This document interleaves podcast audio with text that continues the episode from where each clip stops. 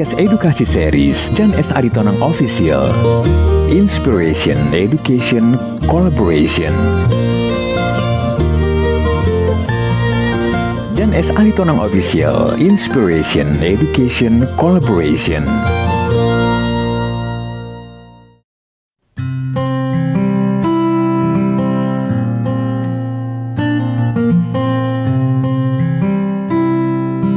Sebuah perspektif tentang bagaimana merespon berbagai penderitaan yang terjadi dalam konteks sejarah gereja atau sejarah kekristenan dalam aspek teologis historis di dalam Alkitab serta sejarah panjang penderitaan di berbagai penjuru dunia maupun zaman dan abad dalam beragam sebab dan akibat.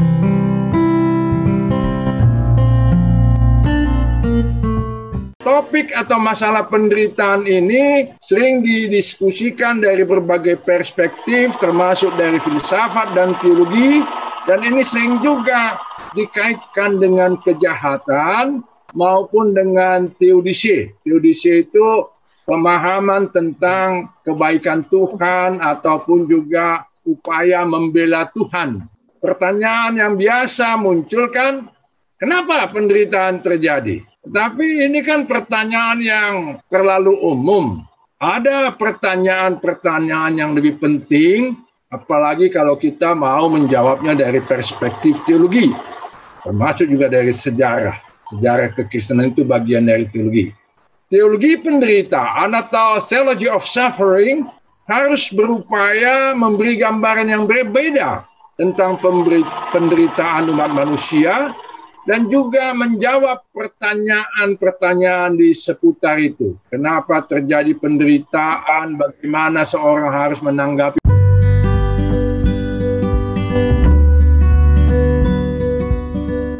Sebuah perspektif tentang bagaimana memaknai penderitaan sebagai salah satu sikap hati dan panggilan orang percaya, sebagaimana Yesus Kristus, Sang Juru Selamat, adalah Tuhan yang telah lebih dulu menderita.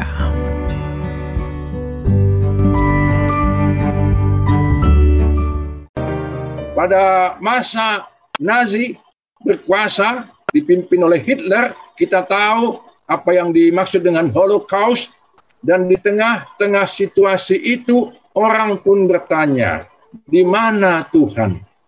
Kalau Tuhan ada, kenapa dia membiarkan semua ini terjadi?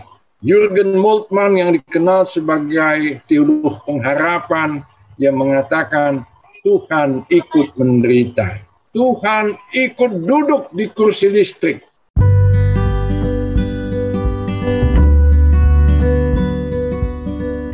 Responding to suffering, menanggapi penderitaan dalam podcast edukasi series Kuliah Umum Disnatalis Sekolah Tinggi Filsafat Teologi Jakarta ke-86.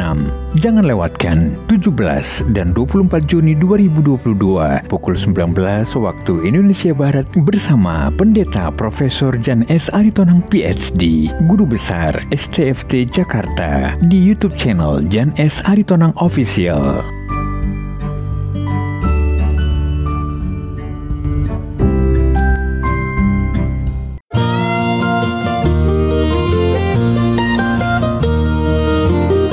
Podcast edukasi series Jan S. Aritonang Official.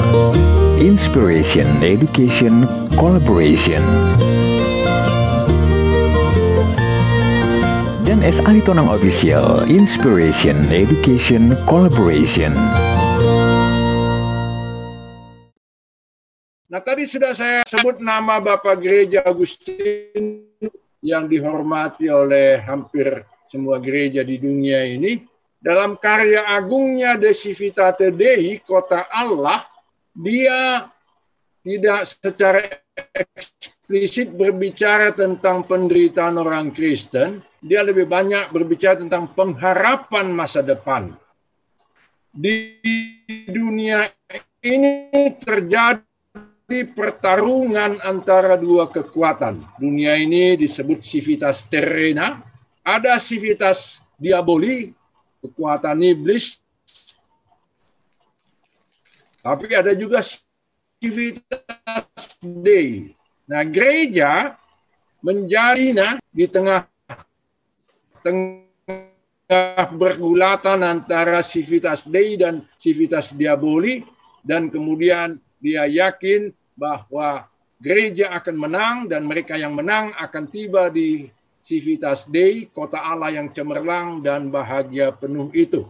Tetapi itu tidak selalu sesuai dengan kenyataan, itu hanyalah keyakinan. Walaupun keyakinan juga penting. Nah, nanti masuk ke bagian kedua abad-abad pertengahan, banyak lagi contoh tentang bagaimana kelompok-kelompok Kristen tertentu ditindas oleh sesama Kristen. Nah, masuk kita sekarang ke menjelang reformasi, di tengah-tengah banyaknya kecurangan, kekacauan di dalam gereja, dalam hal ini gereja Katolik, ada upaya memperbaiki. Ada beberapa tokoh yang dikenal dengan nama atau istilah perintis reformasi, John Wycliffe, antara lain, dan Johannes Hus. Mudah-mudahan masih kelihatan ya, share screen-nya ya. Nah, apa yang terjadi Masih, dengan Pak. mereka? Mereka dianiaya, dibakar hidup-hidup oleh gereja. Jadi penderitaan di kalangan Kristen tak jarang justru didatangkan oleh sesama Kristen. Masuk kita ke masa reformasi, kita tahu banyak penderitaan dialami oleh para pengikut reformasi, tetapi di kalangan tertentu yang juga menyebut dirinya pengikut reformasi, ada yang ditindas atas persetujuan para reformator. Saya angkat satu contoh Thomas Munzer, pemimpin pemberontakan petani yang disetujui Luther untuk ditumpas oleh pemerintah atau penguasa Jerman. Calvin juga tidak kalah uh, dalam ikut mendatangkan penderitaan terhadap orang-orang tertentu. Michael atau Michael Servetus yang menolak doktrin Trinitas dibakar hidup-hidup, dituduh menganut dan menyebarkan ajaran sesat. Pada abad 17, 30 tahun perang antara Katolik dan Protestan yang mengakibatkan banyak penderitaan dan korban jiwa, dan yang berperang itu sesama Kristen. Kita masuk kepada masa penginjilan abad 16 sampai zaman modern. Ada banyak contoh nanti bisa lihat di makalah saya tentang penderitaan yang dialami oleh gereja atau orang Kristen, tapi juga yang disebabkan atau didatangkan oleh gereja. Antara lain terhadap penduduk pribumi, baik yang menerima Injil, apalagi yang menolak Injil. Kita tahu bagaimana penderitaan yang dialami kawan-kawan kita di Amerika yang dijadikan budak. Kita tahu bagaimana penderitaan orang-orang Indian juga di Amerika yang didatangkan atau ditimpakan oleh orang-orang yang mengaku Kristen yang adalah juga sekaligus penjajah itu.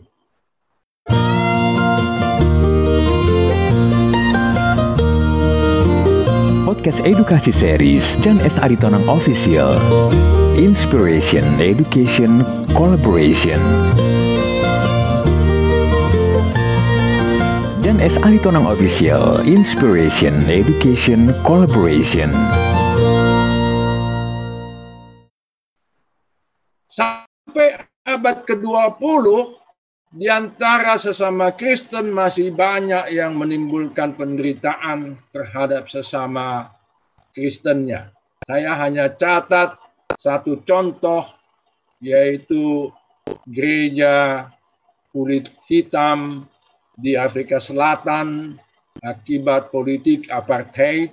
Kita tahu apa yang dialami Nelson Mandela dipenjarakan lebih dari 27 tahun dengan situasi yang mengerikan, tapi dia mau mengampuni para penindasnya dengan satu syarat. Dia harus diizinkan mengingat mereka, bukan disuruh melupakan. Nelson Mandela bilang, bagaimana saya bisa mengampuni kalau saya melupakan mereka? Justru dengan mengingat saya bisa mengampuni mereka. Di Tiongkok, di banyak tempat, di Myanmar, di Malaysia, di Jepang, banyak ada Kakurei Kirishitan yang menderita selama dua setengah abad. Nah, pada zaman Perang Dunia Pertama dan Kedua, banyak penderitaan yang menimpa orang Kristen dan sebagian itu juga disebabkan oleh orang Kristen. Pada masa Nazi berkuasa dipimpin oleh Hitler, kita tahu apa yang dimaksud dengan Holocaust dan di tengah-tengah situasi itu orang pun bertanya, di mana Tuhan? Kalau Tuhan ada, kenapa dia membiarkan semua ini terjadi? Jurgen Moltmann yang dikenal sebagai teolog pengharapan, yang mengatakan Tuhan ikut menderita. Tuhan ikut duduk di kursi listrik. Nah, di Indonesia ada banyak contoh tentang penderitaan yang dialami oleh orang Kristen, sejak zaman Portugis dan Spanyol. Tapi kita harus catat juga orang Kristen juga menimbulkan banyak penderitaan terhadap umat beragama lain. Ada banyak contoh di Ternate, Tidore, Banda, dan sebagainya. Lalu pada masa pendudukan Jepang, banyak juga orang Kristen yang menderita oleh penindasan Jepang. Bagi yang tidak mau menderita, jadilah mereka penjilat. Banyak orang Kristen yang suka menjilat juga demi untuk tidak menderita. Lalu pada zaman merdeka, sangat menarik contoh pada masa G30 SPKI, di mana orang banyak sekali menjadi korban, dibantai, dan sebagian dari mereka itu adalah orang Kristen. Ada di NTT, ada di Sumatera Utara, karena dituduh komunis atau PKI. Yang sangat menarik, misalnya dalam bukunya Mary Colimon dan kawan-kawan, gereja hampir tidak berkata apa-apa atau bertindak apa-apa untuk membela para korban penderitaan pada masa G30S.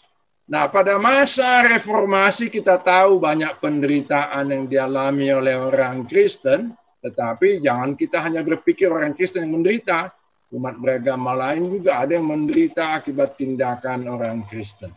Nah, akhirnya mengakhiri presentasi yang singkat ini dengan mengemukakan beberapa catatan.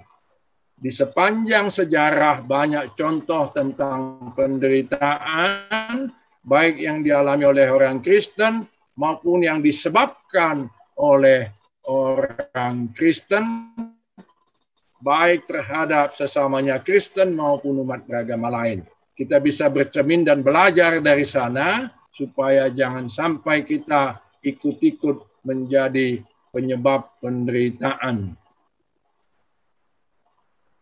Sekarang kita berhadapan dengan penderitaan umat manusia sedunia. Lalu kita bertanya, bagaimana kita harus menghadapi ini? Pertama-tama kita juga harus menyadari bahwa penderitaan yang kita alami sekarang juga akibat tindakan manusia merusak alam semesta. Manusia menderita bersama dengan alam karena alam dirusak oleh manusia. Saya mau mengakhiri dengan catatan dari apa yang terjadi di Jepang pada Maret 2012. Menjelang Jumat Agung 2012, Jepang dilanda oleh tsunami. Sejumlah orang Kristen di sana yang ikut mengalami penderitaan itu berkata, sebagaimana Allah mengalami atau sedang menderita dan bahkan banyak yang mati akan bangkit dan menang. Ini juga adalah bagian dari semangat Jepang yang baru itu. Nah, karena itu kiranya juga kita di Indonesia ini bisa belajar dari berbagai penderitaan dan juga tidak banyak orang Kristen menderita, tapi juga banyak yang ikut mengakibatkan penderitaan dan yang ikut eh, menyebabkan penderitaan itu kadang-kadang rajin juga memberi persembahan ke gereja. Jangan-jangan juga ke STFT. Lalu dipuji-puji, didoakan oleh para penggede gereja. Apakah dengan situasi ini kita masih mau bernyanyi bersama Charles Sutagalung almarhum? Hidupku yang sengsara penuh dengan penderitaan. Itulah suara orang yang menderita. Mantap. Sekian.